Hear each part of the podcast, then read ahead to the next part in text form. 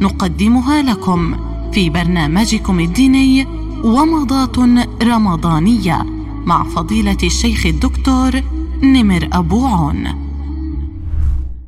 هل يجوز للصائم أن يذوق شيئا يريد شراءه أو يطبخ فيذوق الطبيخ؟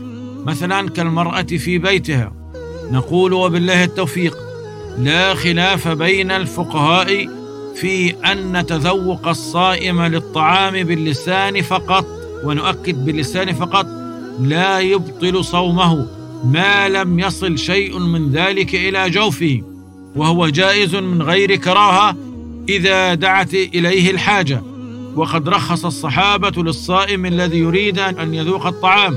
فعن ابن عباس رضي الله عنهما قال لا بأس أن يذوق الخل أو الشيء ما لم يدخل حلقه وهو صائم فلا حرج أن المرأة تذوق الطعام أو الرجل الطباخ. كونه هل هو مالح هل هو طيب ثم يلفظه لا يبتلع شيء.